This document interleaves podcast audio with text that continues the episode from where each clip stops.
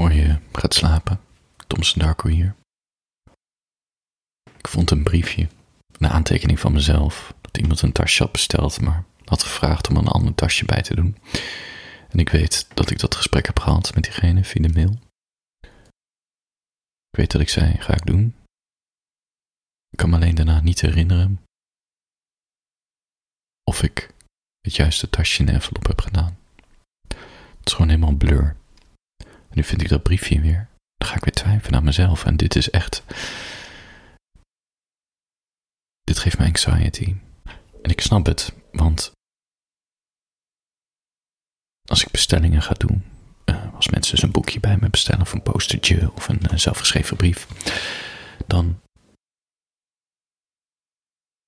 Dan heb ik daar een uur, anderhalf uur voor nodig. Weet je, ik kijk naar die bonnetjes, ik pak het spul in, en flopje erbij, ik stapel het allemaal op. Ik ruim daarna alles op en daarna ga ik wandelend naar een PostNL-punt en breng ik ze weg. En dan is het ook weg uit mijn hoofd en uit mijn systeem. Het, is natuurlijk een soort volledig geautomatiseerd proces, dat inpakken. Muziekje op.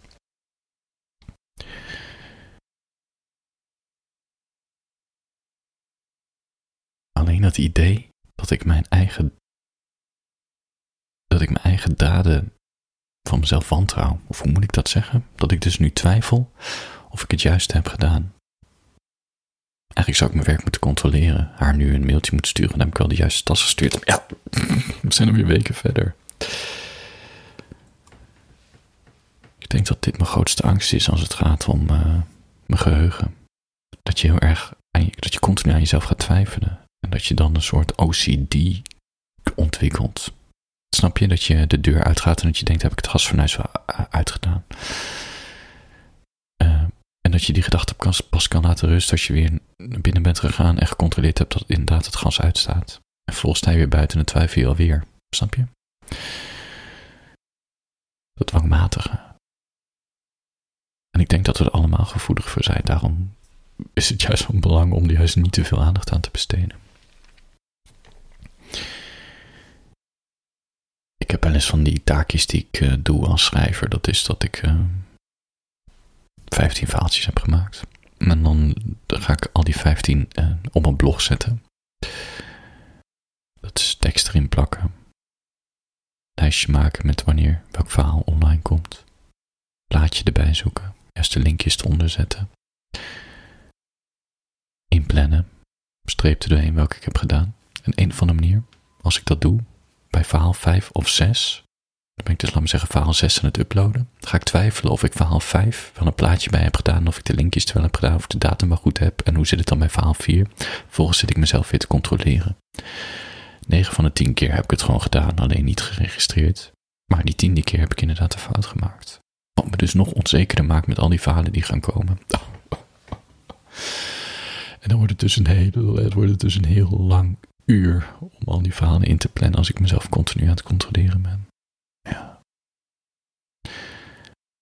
Ik ben gewoon niet zo goed in dit soort repeterend administratief-achtig werk. Dat is de conclusie. Ik vind het best leuk om te doen. Muziekje op, gewoon automatische piloot. Maar alleen die twijfel. Continu die zelftwijfel. Dan blijkt dus dat ik niet zo um, ordelijk ben. Nou ja, dat weet ik van mezelf. Ik heb wel een beetje orde en discipline, maar ik ben niet zo gestructureerd als andere mensen. Je zou mij niet uh, gestructureerd.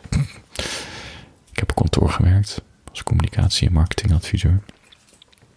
Zo'n afdeling, heb je mensen met verschillende rollen. Dus je hebt een, uh, vaak een vormgever. Uh, je hebt andere adviseurs, een vormgever. En je hebt ook iemand die uh, het contact doet tussen de adviseurs en de bureaus. dat heet een traffic coördinator. Dat is dus iemand die heel gestructureerd en Excelletjes bijhoudt. Waar worden offertes voor opgevraagd? Uh, wat loopt er? Klopt het budget nog? Van welk potje moet het af? Het is echt een, ja, een, verkeerscoördinator. Het is een beetje een gekke naam. Ik weet niet of, elke, of het in elk communicatieteam dit, dit de naam is. Dat is dus een functie die je mij niet moet geven. Hoewel het me best leuk lijkt om al die lijntjes op uit te zetten. Maar dan ga ik mezelf continu twijfelen ik het wel heb gedaan. En het erg is ook nog met die bestelling van het tasje dat ik het dus op een briefje heb geschreven. Maar nu slingert dat briefje rond en het enige wat het doet is mijn onzekerheid triggeren. Ik heb het briefje weggegooid. Ik kan het beter Als het niet goed was, had ze me kunnen mailen. Had ik het alsnog uh, de juiste tasje opgestuurd.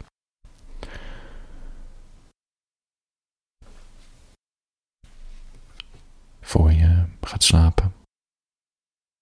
Ik heb een heel kort verhaaltje geschreven. Dat heet Wat te doen als iemand je maar blijft negeren.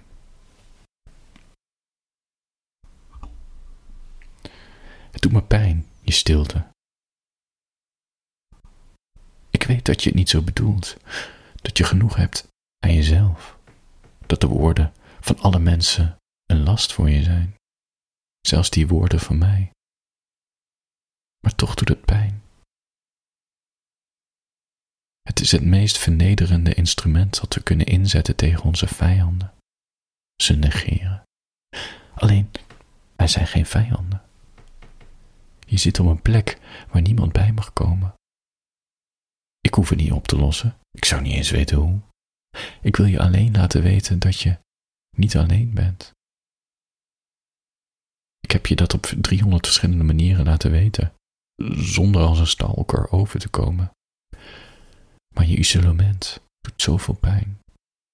Je zwijgzaamheid, als ik zie dat je online bent. Een foto van iemand anders hebt geliked, maar mijn berichtjes aan jou nog steeds op ongelezen staan. Dat doet pijn. Moet ik je loslaten? Je het passief-agressief laten weten? Of dring ik me dan weer te veel op in je leven en ren je dan nog harder weg? En als je weer contact zoekt, zoekt, moet ik er dan weer volledig voor gaan alsof het niet gebeurd is? Of moet ik dan een koude kikker zijn en antwoord geven in korte zinnen? Wat is dit voor ingewikkelde dans die we spelen om elkaar heen? Ik weet niet eens wat we precies van elkaar zijn. Maar het doet pijn. Zoveel pijn. Voor je gaat slapen.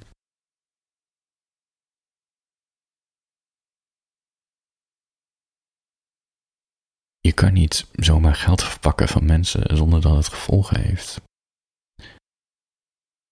Je hebt zo'n stad in Amerika, ik weet niet of je het kent, die heet Baltimore. Het, volgens mij ligt het onder de rook van Washington.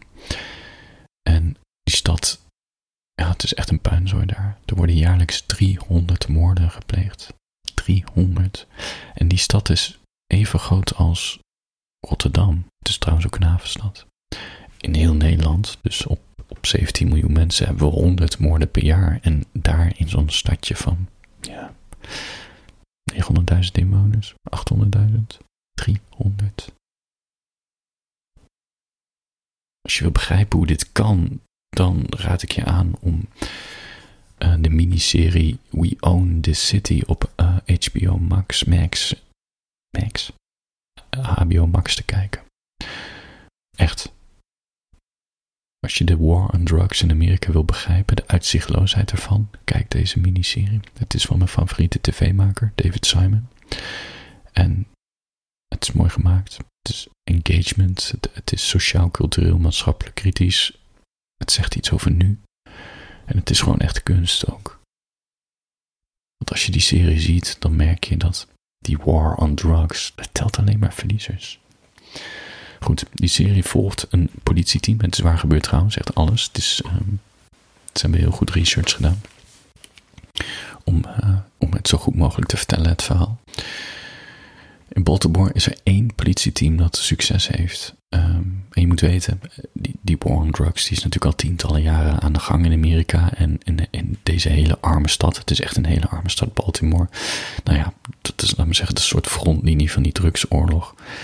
Um, het, speelt zich vooral in die arme wijken af. Veel moorden, veel gehandeld, veel verslaafden.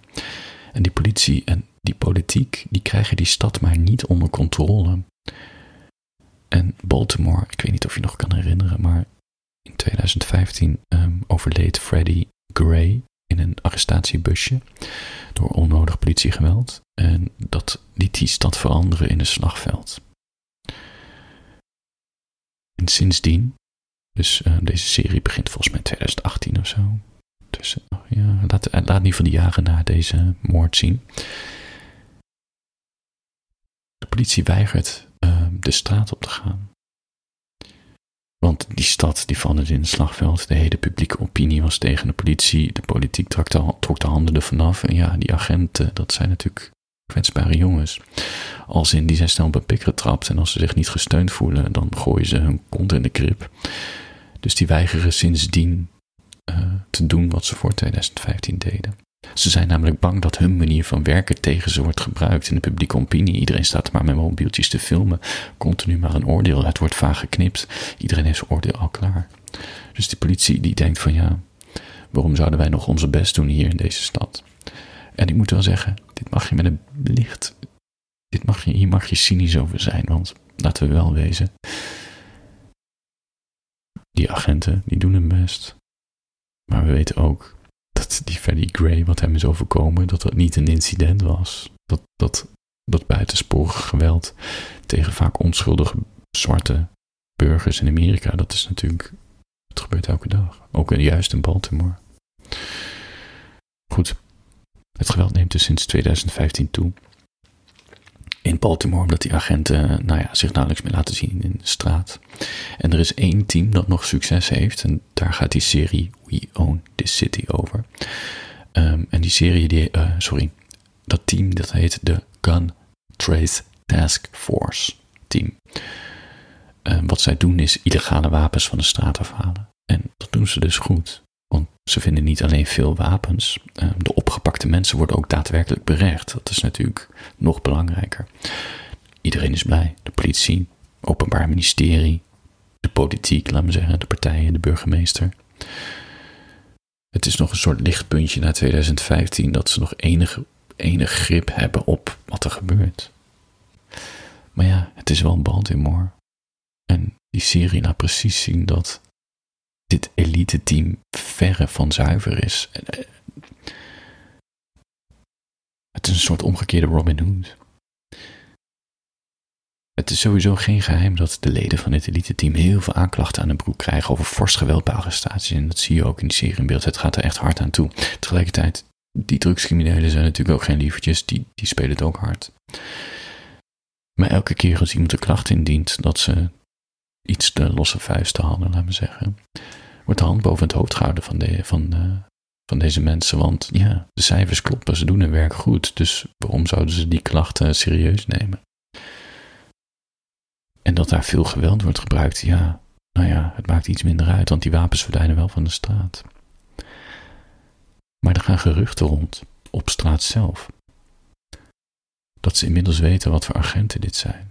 Want ze houden je zonder reden aan, zoeken naar een wapen en stelen vervolgens als ze geld of drugs vinden, dan stelen ze gewoon van je. Dat lees je goed. Agenten die zelf geld en drugs stelen van deze mensen die ze aanhouden. En dan heb ik het niet alleen over dat ze criminelen aanhouden. Ze houden namelijk iedereen die soort van verdacht is aan. Uh, en dat zijn dus ook gewoon burgers die gewoon geld bij zich hebben en niet per se drugs. En ook dat wordt uit die zakken gegrapt. En het blijft hier niet bij. Ze zetten van die trackers op auto's van, laten we zeggen, criminelen die iets hoger in de hiërarchie zitten. En dat weten ze. Ze weten natuurlijk dat die criminelen veel geld in huis hebben. Dus ze zetten van die trackers op die auto's. En houden ze in de gaten wanneer de crimineel het huis verlaat, zodat ze kunnen inbreken om dat drugsgeld te stelen. En het is heel schrijnend om te zien.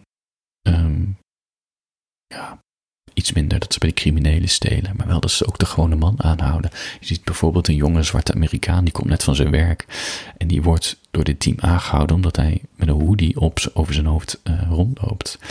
En hij draagt een mes bij zich en hij wordt meteen in de boeien geslagen en, ja, en hij krijgt nog even een vuistslag in zijn gezicht. En vervolgens mag hij een nachtje in de cel brommen om daarna weer losgelaten te worden zonder aanklacht. Maar de enige reden dat hij een mes bij zich heeft, is omdat hij regelmatig s'avonds laat thuis komt van zijn werk. En die straten zijn natuurlijk niet veilig waar hij woont. Het, het is zelfverdediging. Dus waarom de politie hem meteen een slag in zijn gezicht gaf en hem een nachtje laat brommen en daarna ook zonder aanklacht weer loslaat, dat is gewoon intimidatie natuurlijk. En in de andere scène zien we hoe een man in een auto staande wordt gehouden. En ze doorzoeken zijn auto en ze vinden geen wapens of drugs. Maar als hij door mag rijden, mist hij zijn maandsalaris.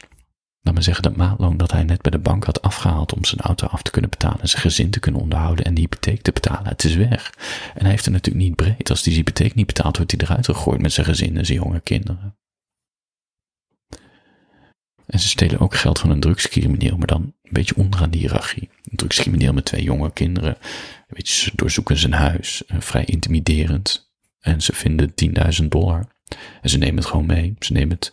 Ze geen eens een aanklacht, hè? ze nemen het gewoon mee. Ze doen net alsof er niks aan de hand is. Maar die crimineel mist 10.000 dollar. Ja, je kan moeilijk de politie aanklagen en zeggen je hebt 10.000 dollar gestolen als het natuurlijk drugsgeld is. Maar het ding is, die 10.000 dollar die was natuurlijk niet van die drugscrimineel.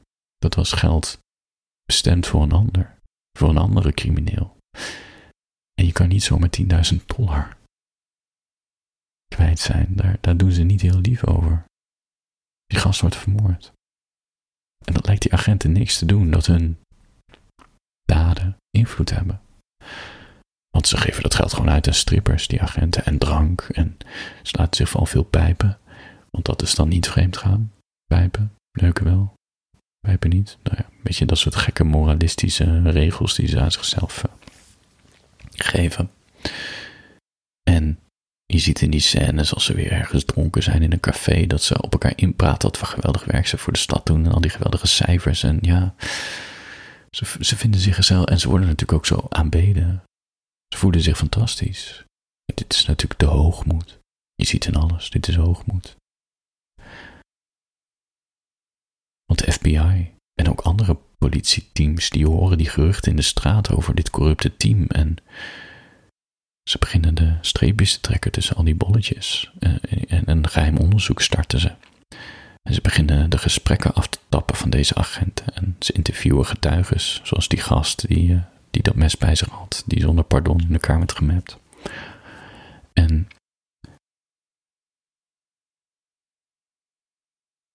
uiteindelijk het is geen spoiler, want dit is allemaal waar gebeurd. Weet je, die teamleden worden in de boeien geslagen. Merk je, dat zie je al vrij snel in de serie, want de serie snijdt heen en weer tussen verleden en heden. En het uh, politievoor nadat ze zijn opgepakt, ze naaien elkaar erbij. Dat is nog het ergste, dat politieteam, er is totaal geen broederlijkheid of zo. Ze stelen van anderen, maar ze zijn ook heel wantrouwend over elkaar. En de afspraak was om het geld dat ze stalen eerlijk te verdelen, maar ze wisten allemaal dat niemand het eerlijk het geld verdeelde. Dus als ze elkaar een oor kunnen aannaaien en ze met z'n allen werden opgepakt, dan deden ze dat ook. Ja, het is echt een fantastische serie. Laat niet alleen dit corrupte team zien, maar het geeft aan dat het hele systeem gewoon niet deugt. De mensen op straat vertrouwen de politie niet meer. Eh, met als gevolg dat niemand meewerkt bij bijvoorbeeld het oplossen van een moord.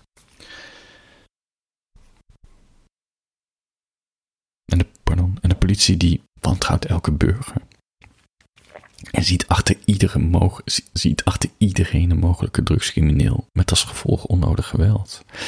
En de politiek die weigert ondertussen geld te investeren in bijvoorbeeld bodycams om dat vertrouwen terug te winnen. Want als arrestaties gewoon worden gefilmd, gedragen agenten zich waarschijnlijk anders. Maar ook als agenten een aanklacht krijgen, kunnen ze laten zien dat ze rechtmatig gehandeld hebben met die bodycams. Maar ja, de politiek, die hele stad is natuurlijk een puinzooi. Dat geld moet ook naar achterstallig onderhoud en noem maar op, naar onderwijs en dergelijke. En je ziet in die serie dat mensenrechtenactivisten die, die proberen betere afspraken te maken tussen justitie en politie. Maar het is meer gepraat om het gepraat dan dat, dat er echt fundamenteel iets verandert. En je ziet gewoon, deze serie laat zien dat Amerika stuk is en dat Baltimore het slagveld is. Het is schijnend, maar wel de realiteit. En ik snap dat veel mensen en dat jij waarschijnlijk ook series kijkt als vermaak. En veel series op Netflix en Amazon dat is ook gewoon puur vermaak. Maar ik moedig je ook aan om series te kijken die een boodschap te vertellen hebben, die gaat over onze realiteit. Uh, om te beseffen in wat voor wereld we leven. En niet om je moedeloos te voelen, want ik begrijp ook wel dat we in ieder geval dat jij het liefst nieuws niet kijkt en ik ook niet, omdat er zoveel ellende is. Maar we moeten ook niet onze ogen sluiten. We mogen niet apathisch worden. We moeten ook zien dat het mensen raakt. Dat er mensen achter die cijfers zitten, achter die moorden. En dat iedereen er in zo'n wijk last van heeft. En dat die politieagenten ook, hoe disproportioneel, ingewikkeld woord, en het geweld ook is, en, en proberen ook te roeien met de riemen die ze hebben. En zo'n miniserie, volgens mij zes of zeven afleveringen, We Own This City. Ja, Het geeft geen hoopvol beeld, maar er zit wel heel veel hoop in. Dat is wat David Simon wel kenmerkt. Hij probeert altijd hoop te laten zien dat het ooit beter wordt. En ik denk dat dit soort verhalen helpen voor die bewustzijn om te beseffen in wat voor wereld we leven. En dit is dan Amerika, maar vergis je niet, we hebben ook hier in ons eigen land onze schrijnende verhalen. Mogen onze ogen daar niet versluiten. En ik denk dat kunst een hele mooie manier is om, om niet te apathisch te worden, begrijp je? Niet te gevoelloos, maar dat we ook nog steeds blijven voelen. En dat we vooral de menselijkheid blijven zien. Ja.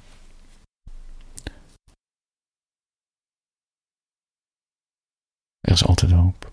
Maar ja, tegen welke prijs?